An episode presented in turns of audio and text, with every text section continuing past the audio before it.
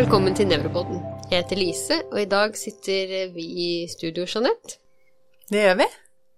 Vi har jo vært litt nysgjerrige på det med hud og nevrologi, Lise. Ja, vi har det. Ja, og så har jeg lest en bok jeg, som heter Huden er guden. Og da ble jeg litt sånn ekstra nysgjerrig, for jeg tenkte at jeg har sett en del nevrologiske sykdommer eh, hvor jeg har fått på en måte litt diagnosen gjennom huden. Så tenkte jeg nå må jeg lære litt, for jeg hadde glemt en del fra hudterminen min. Ja, og det, ja, det har nok jeg også. Mm. Og det er jo av og til, særlig hvis vi skal konferere eller sånn, det å klare å beskrive funnene våre godt, da, mm. i andre felt. Mm. Effloresenser. jeg hadde liksom glemt det ordet litt. Nei, så jeg tenkte at det hadde vært litt interessant å få en hudlege, og her sitter en hudlege i dag. Velkommen til deg, Jon Anders Halvorsen. Tusen takk, og det er veldig hyggelig å bli spurt om å få lov til å komme og være med på en podkast, så da takker jeg for invitasjonen. Vi har jo litt sånn eh, samme opphav, da. Huden og eh, nervesystemet. Det kommer fra samme kimblad. Ja, det kommer jo fra ektoderm, begge deler. Det er jo veldig tidlig i fosterlivet at vi hører sammen, da. Det er vel ved en to-tre ukers eh, alder, men da består liksom eh, Da består vi av tre, tre lag, og ektoderm er jo den delen som blir utsida av kroppen, og så er det en liten innbøyning som blir til eh, hjernen. Mm. Så, så vi, vi, hører jo sammen sånn sett, så det, det, må vi jo feire i dag. ja, det må vi gjøre. Og det er jo eh, enkelte ganger at vi eh, kan ta en hudbiopsi, f.eks., for, eh, for å sjekke ut ulike nevrologiske sykdommer. Eh, så den kan være til hjelp da, i forhold til i hvert fall genetiske sykdommer. Da. Men det er jo et ekstremt stort fag, sånn at jeg tror ikke vi klarer å dekke alt om huden på én podkast. Jeg vet at du har jobbet mye med kløe? Ja, eh, grunnen til det eh, kan jeg si bitte lite grann om, for at jeg hadde et epidemiologisk doktorgradsprosjekt der det var et sideprosjekt som egentlig handla litt om eh, ungdommer som hadde rapportert at de hadde mye kløe. Så jeg skrev noen artikler om det. Så, siden jeg liksom hadde begynt med dette med kløe, så fikk jeg en del pasienter som også hadde kløe. Eh, så jeg har interessert meg en del for kløe, og det er jo like mye nevrologi som eh, dermatologi, egentlig. Det er ikke alltid at vi tenker så mye på, Lise. Jeg spør ikke spesifikt etter kløe, nei. Kan ikke du si litt om det, om noen eksempler? Jo, altså dette med kløe syns jo hudleger er veldig viktig, og det er jo fordi at uh, det er jo omtrent halvparten av alle pasienter som kommer til en poliklinikk hos en hudlege, har litt eller mye kløe. Så det er et veldig vanlig symptom for oss. Det som er vanskelig for en hudlege, det er jo når det er kløe og ikke det er noen primærrefluoresenser, eller altså at ikke det er noen utslett, for å si litt enkelt, i huden. For noen ganger så klør et utslett, og da er det jo som regel en hudsjukdom som er årsaken til kløe. Jeg tenker da f.eks. på psoriasis eller atopisk eksem. Men så er det jo de tilfellene der huden ser egentlig normal ut, og man kanskje bare ser kloremerkene i huden, da blir det jo mer vanskelig. Og bare for å slenge inn en diagnose allerede nå, da, som jeg syns er litt interessant, og, som, eh, og navnet på den er brachioradial kløe, eller brachioradial pruritus. Det er jo en hudsykdom som, som, ikke har vært så veldig kjent egentlig før de siste 10-20 åra, og det er jo noe som har med både hud og nevrologi å gjøre. og det er kort fortalt sånn at det er eh, mye kløe på yttersiden av armene, og pasienten klorer seg opp, og det går ofte mot skulderen og andre steder på kroppen. Og man tenker at dette er en slags nevropati som er årsak til dette her. Kanskje også at det er noe med noen nerver, da, som vi sier, som er i klem. Vi sier det litt enkelt, vi, da. Men altså, det, er, det er noe med nervesystemet som gjør at, at denne kløen blir så veldig intens. Og de havner da hos hudlege. Vet ikke om de kommer til nevrologene, disse pasientene, egentlig? Jeg har lest om det i tidsskriftet for noen år siden. Ja, jeg skrev den artikkelen. Ja, det var det. Eh, men ellers har ikke jeg sett det sånn på nevrologisk poliklinikk. Men jeg har hatt det litt selv. Ja. Det kan jeg røpe. Og jeg får det om eh, sommeren. Og det er jo, eh, det er jo ganske vanlig problem. Og det er nok mange som har det i mild form. Mm. Så, så, dette er ikke så uvanlig. Men det er noen som har det veldig sterk grad, og det er jo plagsomt. Og, og, da hender det at jeg gir noe som heter capsaicin, altså en krem som inneholder dette chilistoffet. Jeg vet ikke om dere nevrologer bruker det noe særlig, egentlig? Ja, jeg har vært borti det, men det finnes ikke som plaster også? Jo, Cutenza. Det er vel ikke sånn supereffektivt ved brachioradial klø, men det er noe som man kan prøve, altså. Ja, det tenker jeg vi oftere kan prøve også ved en del eh, andre nevropatiske smerter, sånn etter eh, varicella zoster-utslett, Ja. eh, og smerter etter det. Ja. Der har du enda et eksempel på at hud og nevrologi hører tett sammen, da, ikke sant? Fordi eh, zoster er jo en diagnose som eh, eh, som er veldig det er jo, Den er jo vanlig, og den er jo, den er jo veldig karakteristisk i og med at når denne debuterer, så er det jo et halvsidig utslett som følger et dermatom, dermatom og de, de kommer jo etter hvert eh, røde flekker, gjerne, eh, makler, papler, men også disse vesiklene, da, selvfølgelig, som er veldig karakteristisk. Eh, Jeg tror vi må gå gjennom disse fluoresensene med en gang, ja. det hører jeg, for nå må vi ha en sånn kort repetisjon. Er du ikke enig i det, Lise? Jeg er helt enig. jeg kjenner at eh, du, du må bare forklare for oss. Men sier du fluoresenser eller e-fluoresenser? Det er Nei, det er effloresenser, og det betyr vel Jeg tror det betyr at det blomstrer, at det er, har noe med blomster å gjøre. Eh, Det er ordets opprinnelige opphav, da. Ja, det er jo på en måte hudlegens eh, språk, da. Så hvis dere skal ringe til en hudlege og snakke om et utslett over telefon, så vil jo helst hudlegen først høre hvordan dette ser ut når dere står på avstand og ser på pasienten. Vi liker jo ikke så veldig godt at man hopper rett på og sier at det er en blemme. Vi vil gjerne vite hvor på kroppen det er, hvor stor utbredelse utslettet har. Om det, ja, altså det overordna er, fint å ta med først, så man får et slags eh, grovt bilde av det. Og så går man inn på detaljene etter hvert, og da vil vi jo gjerne høre om det er en stor eller liten blemme, altså en vesikkel eller en bulla. Er det en stor eller liten knute i huden, er det altså en papel eller en nodulus. Og en makel er jo en fargeforandring i huden, og det er det jo ofte relevant å si noe om. Og så har vi jo pustler, små kviselignende forandringer. må den være flassing. gul, forresten? Ja, det må være gult, ja. Mm. Men innholdet i en vesikkel er jo blankt, da, så det skiller jo litt de to effloresensene. Så de, de som er nevnt nå, er vel egentlig de aller viktigste. Så det er ikke så Hvis man har en ti stykker av de innabords, så tror jeg man kommer veldig langt altså med å beskrive et utslett. Men uh, så skriver man det makuløst hvis det er rødlig. Ja, en makel er en eh, fargeforandring Ja, så- i huden som har Uansett hvilken farge det er, så for eksempel en café au lait-flekk er jo som regel en makel. Det er en brun, lys brun flekk i huden. Og Fordi man kan ikke kjenne den hvis man tar fingeren borti. Så makel er en fargeforandring. Ja, så det sier ingenting om hvilken farge det er snakk om. Så hvis du sier makulopapuløs, så sier du egentlig bare at det er papler, som er en annen farge enn vanlig hud, men det sier ikke noe om det er rødt eller ikke. Nei. Men makulopapuløst, må det ikke både være flate fargeforandringer og litt humper? Jo, så paplene er jo noe man kan kjenne med fingeren. Så det, det, det er begge deler i det utslettet, da. Men sånn som randsoneaktivitet og Ja, da, det og hvordan er hvor, hvor det er velavgrensa, ikke er det viktig, eller er ikke det så viktig? absolutt. Altså, velavgrensa hører med til beskrivelsen av et uh, utslett. eh, Men det var kanskje det tipset han ga helt i starten, at du skal først beskrive utslettet på avstand. Ja, Og da ser du jo om det er avgrenset det eller ikke, så da, det gjør du med en gang. Mm. Og så går du nærme på det. Jeg syns det var faktisk en veldig god repetisjon, jeg. Så makel, papel, nodulus, nodulus, eh, vesikkel, vesikkel, bulla. bulla. Men eh, skal vi se, vesikkel og bulla, må bullaene være Er de mye større, de da? Ja, bullaene er store blemmer. Ja, så Ja. hvor store er store, Over da? fem millimeter. Ja, så under fem millimeter så er det vesikkel. Vesikkel, ja. ja. Ja, ikke sant, så der må vi ha. Men eh, da må jeg komme med noen eksempler fra nevrologien på makel. Eh, nevrofibromatose kan jo ha kafé- og leflekker. Er det bare type 1 eller type 2 også? Jeg tror det er begge deler, men nå må jeg være litt forsiktig her. Jeg tror nok det, altså. Mm. Eh, og da er det litt sånn, hvor mange kafé- og leflekker er det lov å ha? Og hva er det, og når starter de? Ja, altså eh, kafé- og au lait-flekker er jo De skal være over 5 millimeter, eh, og de skal være lyse brune stort sett i fargen, ensfarga, velavgrensa og makuløse, altså flate. Mm. Og dette er jo noe som man er opptatt av siden dette ser man jo tidlig i livet hos nyfødte og det første leveåret. Så ser man disse kafé- og le-flekkene. Jeg lærte på nevrokirurgen at fem over fem millimeter, da skulle man reagere. Ja. En eller to kafé- og le-flekker, det er jo veldig vanlig.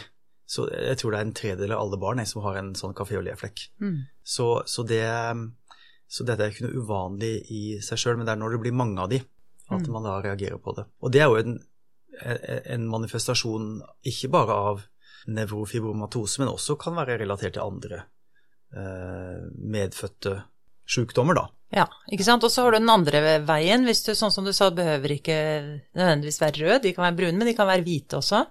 Ja, tenker du nå på uh, tuberøs sklerose, er det det du Ja, tenker ja, jeg på da? tenker Ja, at da, da ser vi av og til uh, at huden har mistet farve Ja, i, en, i et område. Ja. Eh, ikke sant? Også hvis, eh, hvis vi går over på knutene, da. Eh, Noduli, så har du vel også egentlig nevrofibromatose som et eksempel der. Det har du jo, men de kommer jo litt seinere i livet, så det man er jo, vil jo helst sette, stille den diagnosen litt tidlig, og det er vel derfor kafé- og le-flekken har fått så stor betydning, Ja. eh, sånn som jeg forstår det, fordi at dette er vel noe som vanligvis blir diagnostisert tidlig i livet. Er det noen andre flekker som kan ligne på kafé og le-flekker? Ja, altså hos nyfødte, 1% av alle nyfødte jo, eh, har jo medfødte føflekker, som er jo brune, svarte, røde eh, flekker eller eh, svak, svakt opphøya lesjoner, eh, som man er født med. Og så får man selvfølgelig føflekker, de fleste av oss får flere føflekker i løpet av barneårene og ungdomsåra. Så føflekker er både noe man er født med, og noe som kommer i løpet av livet, gjerne før 30-40-årsalderen, da. Ja, og vi vet jo at det er noen vi skal reagere på, men vi skal ikke gå inn på det i denne episoden. Eh, dette med og hvilken melanom. ja, maligne melanomer. Vi har jo det av og til hvor vi ser spredning til eh, hjernen, f.eks. Ja. Eh, men det tror jeg vi hopper elegant over. Da hopper vi videre. ja, ja, ikke sant? Mm. Så da eh, tenker jeg at eh, det er jo en del sykdommer som vi nevrologer er veldig kjent med kan eh, være felles mellom hud og nevrologi. Sånn historisk så er det jo syfilis og lepra. Og så er det, nå ser vi jo en del eh, nevroborreliose. Jeg hadde litt lyst til at du skulle fortelle litt om disse utslettene i forbindelse med hudforandringer til Ja. eh, borreliose. Det er jo selvfølgelig da eritema migrans, et rødt utslett som kommer kort tid etter et infeksjon med borrelia-bakterien. Det tror jeg alle har hørt om eller kjenner ganske godt til. Eh, Men så er det jo den hudforandringen som kalles AKA, eller akrodermatitis kronika atrofikans, som er et hudfunn, eller hudutslett, som er uttrykk for en mer lang, langvarig borrelia-infeksjon, og som nok kan sees samtidig som en pasient har nevroborreliose. Det tror jeg kan være nyttig å bli minnet på som nevrolog, for det er et eh, utslett som ofte er over et ledd, kanskje en håndflate stort eller to, unilateralt, litt atrofisk hud, rødlig, blålig skjær, kanskje blodårene kommer litt tydeligere fram, og det kan være ødem i foten. For eksempel hvis det er på beinet, da.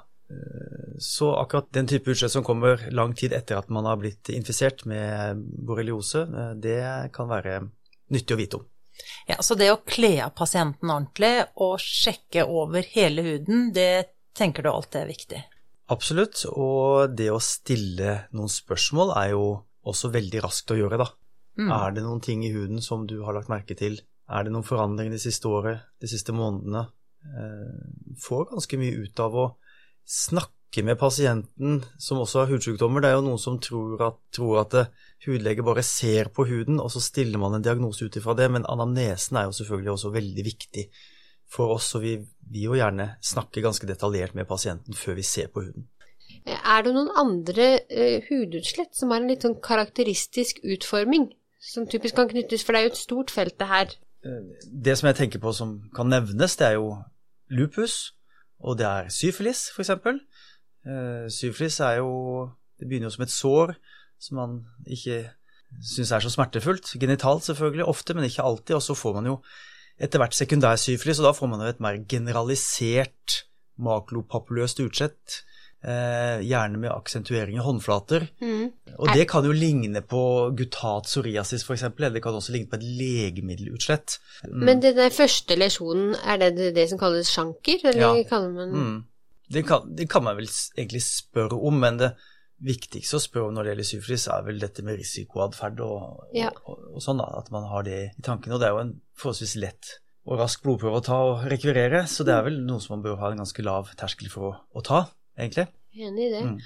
Og du, du nevnte jo eh, lupus, og det er karakteristisk. Kan du beskrive det utslettet? Ja, altså det er jo dette sommerfuglutslettet da, som eh, alle leger husker, for det har jo så malende navn. Men det som, jeg, det som jeg kanskje vil minne litt om i forbindelse med det, det er jo at det eh, Altså en tilstand som rosacea er jo, blir nok en del ganger eh, forveksla med dette sommerfuglutsettet. For rosacea er jo en veldig vanlig sykdom, en talgkjertelsykdom, som ofte har pustler, altså det ser ut som kviser. Så det med å, å vite at det er andre ting som kan komme i ansiktet, og da rosacea er en vanlig ting som kan også komme på kinn og på neseryggen, det er i hvert fall noe som jeg kan minne om, da. Ja, så, så et rødlig utslett med litt kviser i voksen alder, for vi jobber jo mest med voksne, det er kanskje mest sannsynlig rosacea. Det vil jeg tro, ja. Og som ofte da forverrer seg av lys eller Det kan skje, men det er jo nok eh, ikke så veldig mye sterke trigging Altså, rosacea trigges ikke så veldig av lys, altså. Nei. Nei, det, det, det, er, det, er ikke, det, er ikke, det er ikke sånn som lupus eller andre uh, Nei, for- lysdermatoser, da. Ja, for det er de typiske lysdermatosene. Det er, Lupus er jo, en, er jo typisk at det trigges av sollys. At Ja. det kommer gjerne når man har vært i sola en stund. Mm. Dager, uker. Ja. Hvordan ser en hudlesjon ved sarkoidose ut? ja, det er jo ofte en eh, brunrød eh, oppfyllning eh, som kommer i huden. Det kan jo komme i et arr, annet. I et operasjonsarr. Ja, er det en typisk uh, Det kan i hvert fall skje, om det, hvor typisk det er, vet jeg ikke, men det er i hvert fall noe som kan skje ved sarkoidose. Mm. Mm. Så der har du også mye forskjellig. Jeg tenker at vi skal ikke nødvendigvis gå gjennom alle sykdommer, for det klarer vi ikke. Da må vi nesten vise litt i lærebøkene. Men vi har, eh, vi har invitert deg litt fordi at du har skrevet eh, denne boken da, som jeg ble veldig fascinert av, som heter eh, 'Huden er guden'. Og hvorfor er den det? Det går an å si en sånn setning fordi at veldig mange legger stor vekt på at utseendet skal være fint og plettfritt. Så jeg skrev i innledning til boka mi at vi, mange av oss har, har mista det åndelige og det guddommelige i tilværelsen, men vi har begynt å dyrke oss sjøl, og når vi dyrker oss sjøl, så er huden en viktig bestanddel av det. I hvert fall for noen av oss. Så det er liksom bakgrunnen for den tittelen. Ja, og så er, det, og så er jo huden veldig viktig. Ikke sant? Hvis du kan bare dra oss gjennom hvorfor Hva er det egentlig huden er der for? Ja, og, og eh, for huden har mange funksjoner. Den er viktig på mange måter. Og, og eh, den er viktig selvfølgelig som en barriere mellom den vannfulle kroppen vår og den tørre lufta. Så det må jo være noe som er nærmest vanntett.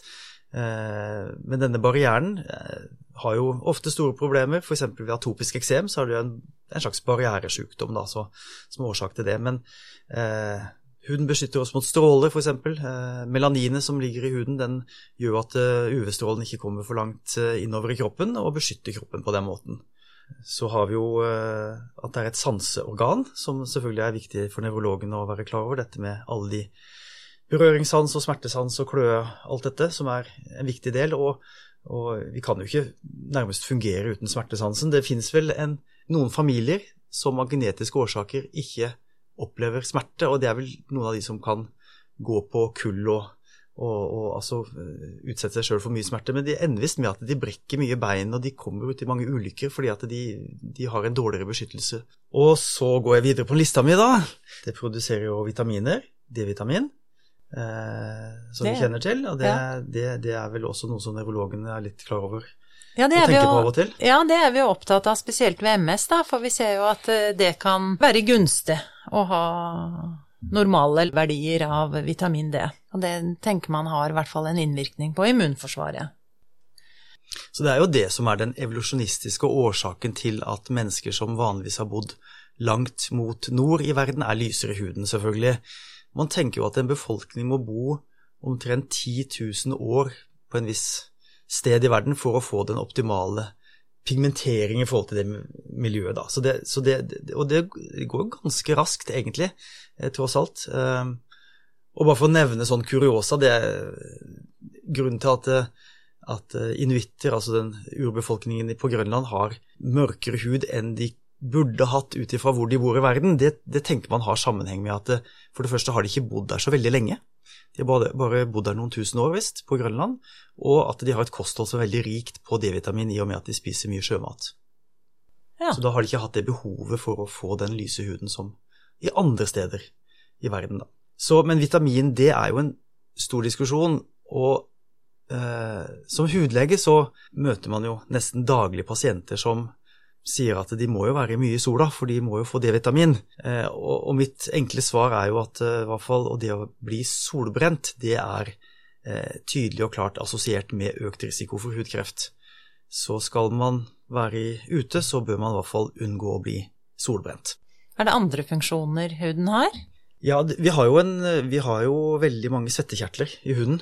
Og der også er det jo en kobling til nevrologi, egentlig. For hver ja. eneste lille kjertel, svettekjertel, er jo kobla opp til en nerve. Og det finnes jo mellom to og fem millioner svettekjertler på hudorganet, eller på, på, på, på mennesket. Og det er jo enormt antall. Ja. Altså hvis du tar alle svettekjertlene til sammen, så blir det som størrelse på en nyre? Kan det stemme? Ja, det er jo noen som sier noen at, eh, at, huden er kroppens tredje nyre. Ja. Um, det er klart at nyrene har jo en viktig funksjon med å skille ut giftstoffer, bli kvitt stoffer i, i kroppen, mm. men det er jo også ting som forsvinner ut gjennom svetten. Mm. Og det er noen som påstår at uh, som tungmetaller, blant annet, at, det, at, svetting har en viss funksjon der. Men det som selvfølgelig er viktig med svette, og som er jo litt uh, viktig å tenke på, det er jo eller, det er jo en temperaturregulerende eh, funksjon til svetten, og mennesket har jo fryktelig mange svettekjertler i forhold til de fleste andre pattedyr. Og det gjør jo oss til en, en, en, et dyr som kan være ute om dagen i et varmt klima og ha høy fysisk aktivitet. Fordi vi svetter på den nakne huden. Vi, svetter, vi har ikke mye pels, på pelsen, eh, hvis vi svetter i pels, så er det dårligere temperaturregulering, men vi svetter altså. Eh, og den svetten må da fordampe, og da trekkes det energi ut av kroppen, sammen med selvfølgelig at blodårene i dermis og ytre del av huden, blir utvida sånn at blodet kjøles ned, og at man kan holde en stabil temperatur i hjernen, som jo er veldig viktig for at den skal fungere optimalt. Mm, og da må jeg bare nevne at det er jo litt viktig at vi også spør etter det. Det eh, finnes jo tilstander hos oss hvor man mister evnen til å svette, f.eks. av Horner syndrom. Anhydrose. Eh, hvor du får anhydrose på den ene siden i ansiktet. Da syns i hvert fall jeg det er lettest å kjenne med oversiden av hånden. For mm å mhm. kjenne om det er noe forskjell på svette på de to sidene i ansiktet. Men det er jo noe de også kan observere selv, da. Eller hvis man blir veldig tørr på den ene siden av kroppen, f.eks., hvor du får en uh, affeksjon av sympatikus på den ene siden så kan det være et symptom på en nevrologisk sykdom.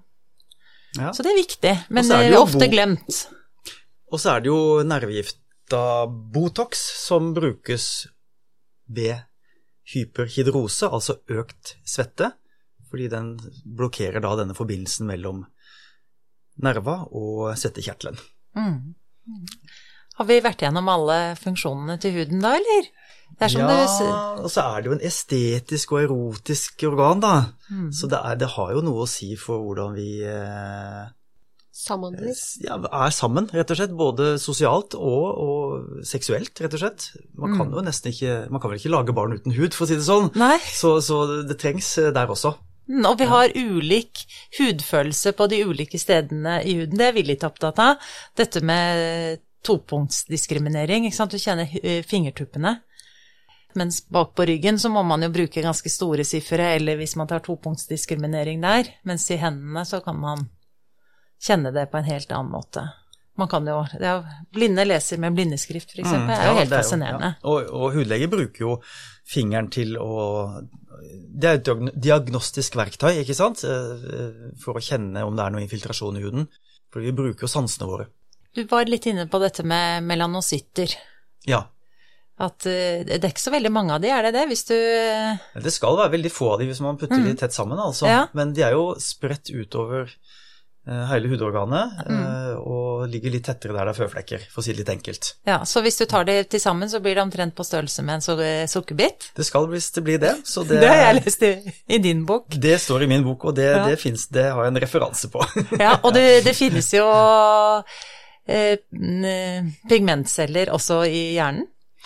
Det veit dere nevrologer en del om, eh, og hvorfor de finnes i hjernen, eh, veit ikke jeg. Men eh, jeg leste litt om melanin når jeg skrev denne boka, og, og, og det, hovedfunksjon er jo dette at det fanger opp UV-stråler og beskytter mot bestråling, da, men det har nok kanskje også en mer sånn en metabolsk beskyttende effekt.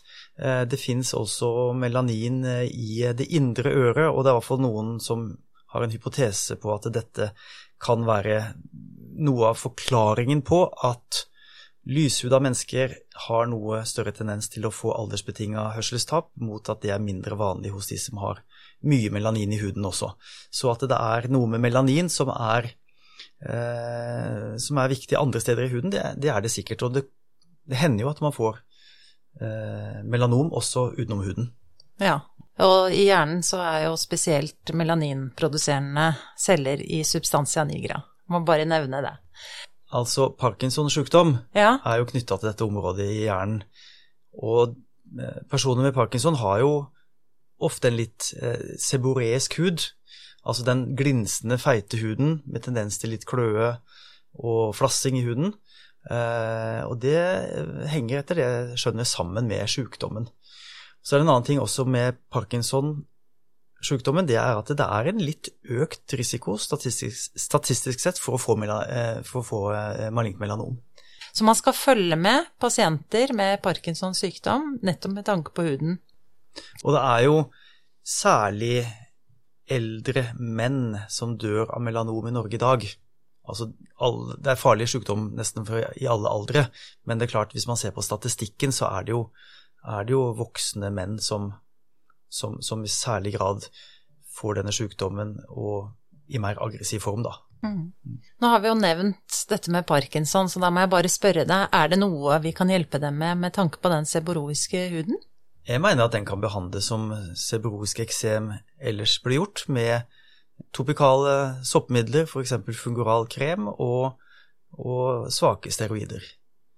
Kortisonkremer, altså. Mm, for da tror jeg vi kanskje litt for sjelden henviser til hudlege.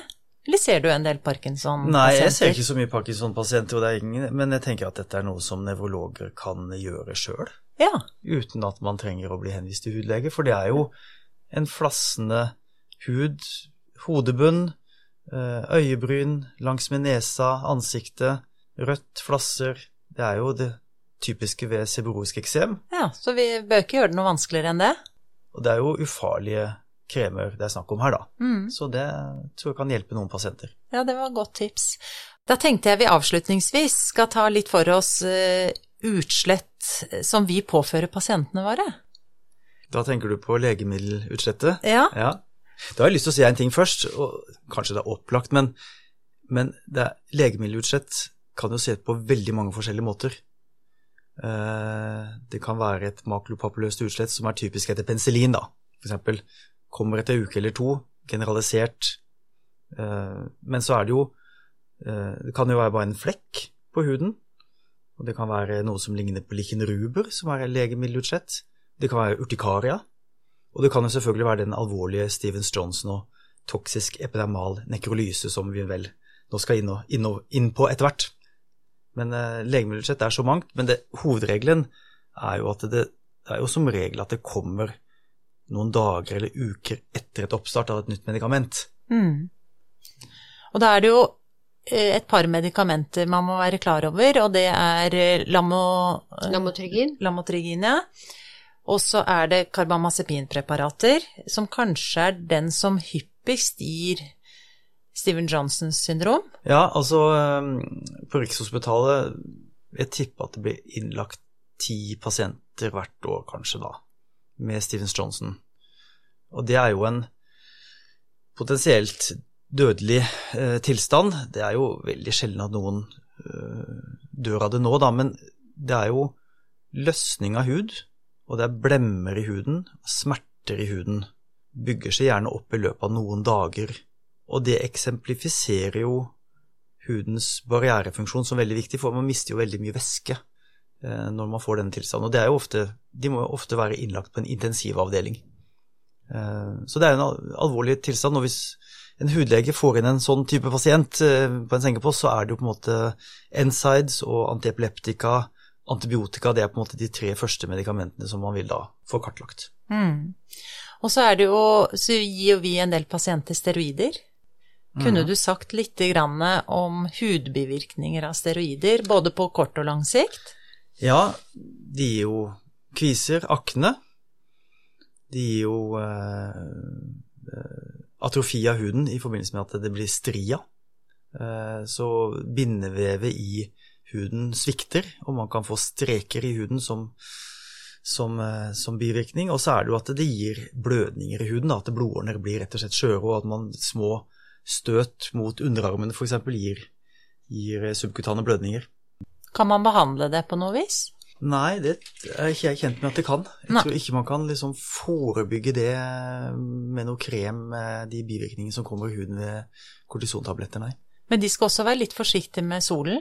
Eller er det bare fordi huden blir svakere og at man generelt skal være forsiktig med solen? Ja, du kan jo si at det er jo to ting som beskytter, som, som gjør at huden beskyttes mot sola, og det er jo melaninet fra melanocyttene, det er jo liksom det vi alltid tenker på, men det er også en fortykkelse av epidermis. Så hvis man er i sola noen dager, uker, så blir faktisk epidermis fortykka. Så det er mulig at det kanskje steroidene påvirker fortykkelsen av epidermis, altså som gjør at man blir lettere solbrent. Det kan hende. Mm. Da syns jeg vi har vært innom mye. Ja, det har vi vært, og vi har eh, sveipet innom litt, eh, litt ulike sykdommer. Eh, samtidig så har vi fått Det er kanskje det aller viktigste vi har fått med oss, det er å beskrive utslett på avstand og på nært hold. Og huske på de, eh, de sjeldne, men farlige bivirkningene av enkle medisiner vi gir ganske ofte. Ja, og at eh, vi skal kle av pasientene våre, og at vi skal huske å se over hele huden, og at vi også skal ta opp en god anamnese, og høre litt med hva de har gjort, og hvilke medikamenter de står på. Og at vi av og til kan begynne behandlinga litt sjøl. Men de, Ja. rett og slett De enkleste tingene. Ja, det slipper å vente en stund på henvisning hvis vi kan starte sjøl. Tusen hjertelig takk for at du kom. Takk for at jeg fikk lov til å komme. Og så håper jeg på et uh, nært samarbeid mellom hudleger og nevrologer framover. Jeg tror vi trenger å samarbeide litt mer, så det tror jeg nok noen pasienter vil ha ganske stor nytte av. Det er jeg enig i.